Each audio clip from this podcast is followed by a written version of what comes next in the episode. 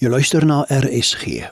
Dit is nou tyd vir die vroegoggendgedagte, vanoggend aangebied deur pastoor Dennis Francis van die Verloste Kerk van Christus in Rywensmeet.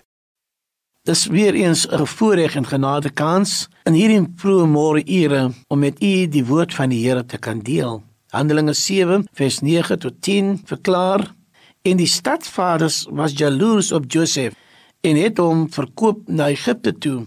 Maar God was met hom en het hom uit al sy verdrukkinge verlos en hom guns en wysheid geskenk vir Farao die koning van Egipte en die het hom goewerneur gemaak oor Egipte en oor sy hele huis. Nou God het 'n plan wat hy in sig het vir ons lewe.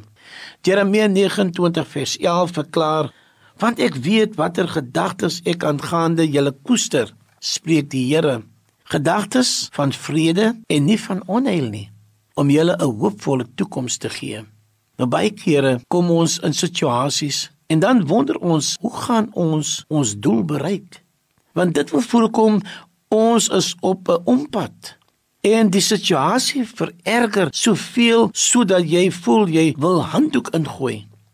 Maar hier was 'n jong man wie se broers op hom jaloers was en hulle het alles in hulle vermoë gedoen om van hom ontslae te raak.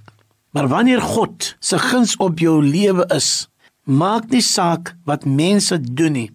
Alles werk ten goeie vir diegene wat Jesus liefhet.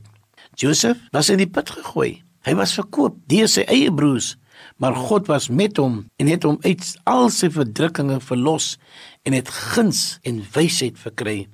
Josef het God se guns ervaar toe hy in die koning se paleis aangestel is as goewerneur.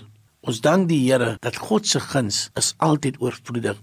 Vader, ons bid dat U ons deur al ons verdrukkinge, deur al ons beproewinge sal help en dat U wat ons gebring het tot hier toe, U guns sal laat geld oor ons lewe. Amen.